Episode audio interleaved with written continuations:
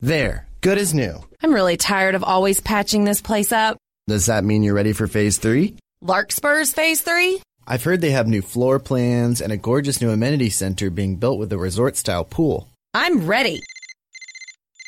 What's that? My phone. It's in the wall. It'll go to voicemail. Good. We're going to Larkspur. Visit larkspurtx.com to learn more.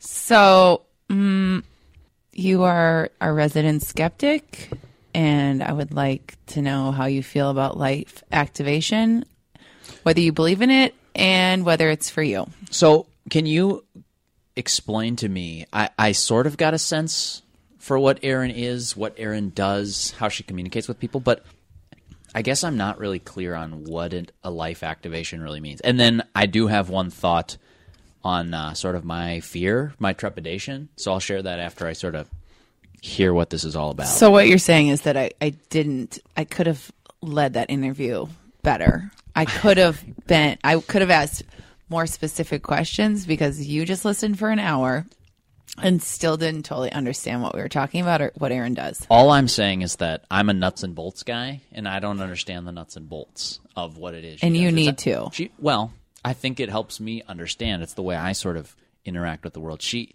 she sits with people, they meditate together. She sort of provides you with some sort of light or energy or understanding. I, I guess that's the part that that's where it falls apart for me. This is why this is one of many reasons why we're doing the show because all I hear is uh I felt a lightness and I let go of the past. I no longer compare myself to others. I've never felt more at peace and my creativity has emerged and I'm like where do I sign? Yes, yes, but how is that's my question. I, I'm getting there. Okay, Okay. so I'm going to read this. I'm going to read this. Am I being This too is- jumpy? We're both. We're, I mean, we, I just saw you toss a cup of coffee, and I just started one, and it's three thirty in the afternoon. So, okay, life activation. Yeah. This is the description on Erin's website. Okay. Step into your passion, purpose, and power with an awakening of the divine energy that already exists in your body on a cellular level. The effects of this activation are most profound when followed within two months of a full spirit activation session. Okay, that does not tell you what happens. You said you've experienced it. Yes, Just tell me what your experience was. During the session. How she from from the moment you greeted each other Yeah. through this uh, hour or so, as you said, of of feeling lighter or of, of Okay. whatever, from including your fear, because it sounded like you were afraid of it before you jumped into it. I was a little. It's kind of, it's kind of similar to to how she described meditation. That, uh, I know, I know, I'm feeling something or thinking something, but I would like to just push it away for a little while longer. Sure. Just gonna procrastinate. If I put it off, maybe it'll get better. on Maybe it'll own. go away or get better on its own. You got it. So I was sitting for the most part in a chair or a stool, and I kept my eyes closed, and it was just kind of this in her studio, which is really lovely, and like candles were lit, and there was probably like a Buddha statue somewhere, and crystals, and um, she was kind of moving around me kind of like she would walk around me and she was doing hand motions. And at some point i think she would like put her hand on my shoulder or um there was just a little bit of hands-on work. Um and i stood up at one point and there may have been some sort of wand. Don't quote me on that. Um but i didn't feel something dramatic happen. And that this is the rub, Derek, is that there are many things that we can't see. Just like when you have feelings and you don't know where they're coming from, they don't they don't exist in physical form. Like you can't necessarily feel a chakra blocked. However, if you're having trouble speaking your truth or saying what you need to say, it, your throat chakra could be blocked. Like there are these like physical manifestations. But and this is where this is where we got into this with Bonnie, our animal healer, a little bit too. Like the faith is trusting that just because you can't see it doesn't mean that it's not working or doing something. So nothing, I didn't like walk out of Erin's studio and feel like a different person and then proceed to, you know, quit a job or break up with someone or whatever. Nothing like that happened. Um, and I'm just a few months out, so it's I'm in it.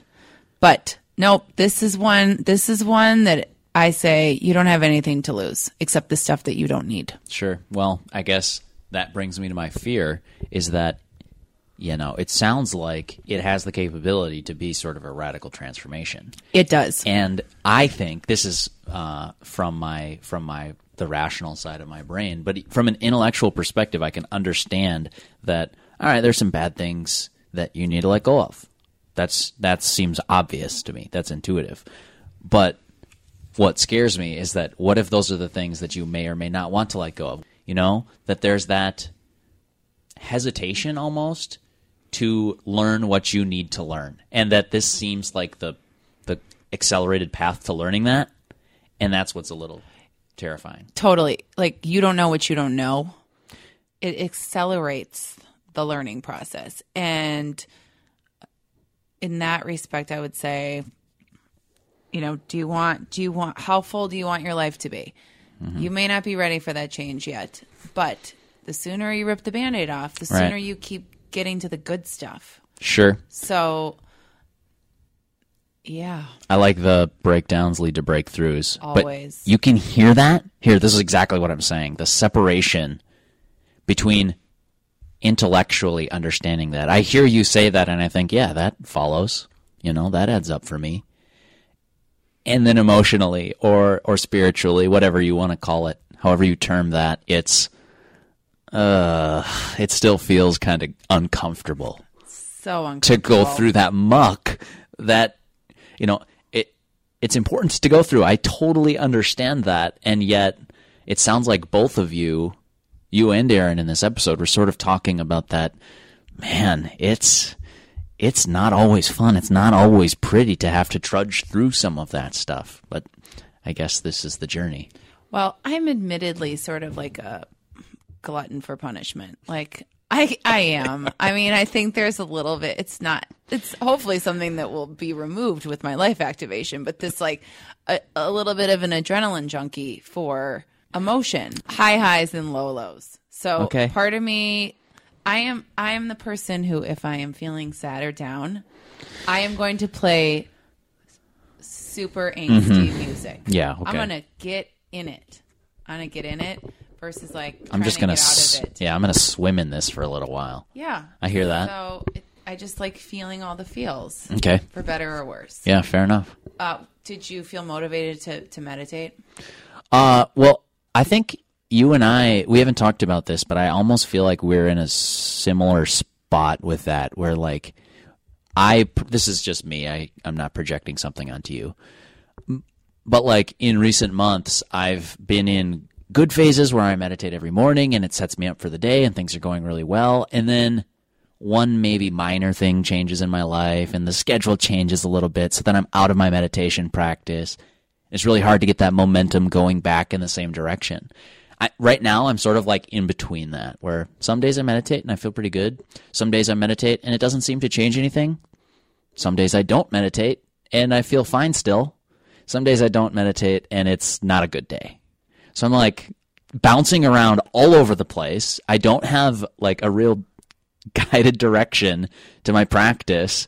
Um, but yes, it did. It makes me want to, when I wake up tomorrow, I want to be in that practice. Yeah, because it's not a one-off thing. You Right. can't look at it each time you do it and be like, "Did that help? Did that? Oh, did not doing it not help?" I mean, it's not. Am I fixed now? It's over time. um, yeah, we. I, I liked that she said that she kept using the word curiosity, yeah, that was cool. not only for meditation, but in any sort of conflict situation, like with our partners. Okay, like, Hmm. or in a difficult situation. Yeah, career. I kept thinking career, and Yeah. maybe that's a sign That's for a me. sign. Don't tell my I bosses will that. not. They're they're not listening. Um, what's the after woo? Yeah, I've never heard of it. is that a, is that a misspelling? Um, that you know we come in with these expectations for everything, and Okay. that is where that is where we get tripped up. Sure. Is expecting something to feel or look or be a certain way, and then being disappointed or aggravated or thrown off when it when it's not that way. Yeah. But when you step back, which you can do through the meditation, and just like look at it with curiosity, um, and kind of remove yourself from it a little bit. We get so tied up in knots. Okay, I think that we. I mean, I think we nailed this. I here. I think we just solved it. All right. See you soon. Peace.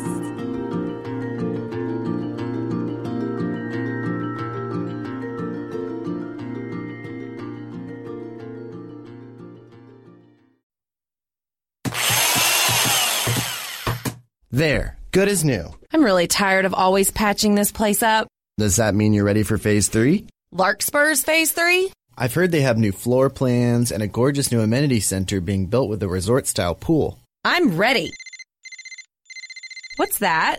My phone. It's in the wall. It'll go to voicemail. Good. We're going to Larkspur. Visit larkspurtx.com to learn more. I'm Rita Foley with an AP News Minute. Thousands of residents of North Carolina are running for their lives after heavy rain from the big storm Alberto triggered landslides at a dam that's in danger of breaking. Missouri Governor Eric Greitens is resigning amid investigations about an extramarital affair and questions about campaign financing. I know, and people of good faith know, that I am not perfect. But I have not broken any laws nor committed any offense worthy of this treatment. Roseanne Barr is apologizing to those who lost their jobs now that her TV show's been canceled after she tweeted a racist comment about an advisor to former President Obama, Valerie Jarrett. First of all, I think we have to turn it into a teaching moment. I'm fine. That's Valerie Jarrett speaking there. Wall Street expected to open higher after a tough day yesterday. The Dow lost 391 points to close at 24,361. I'm Rita Foley.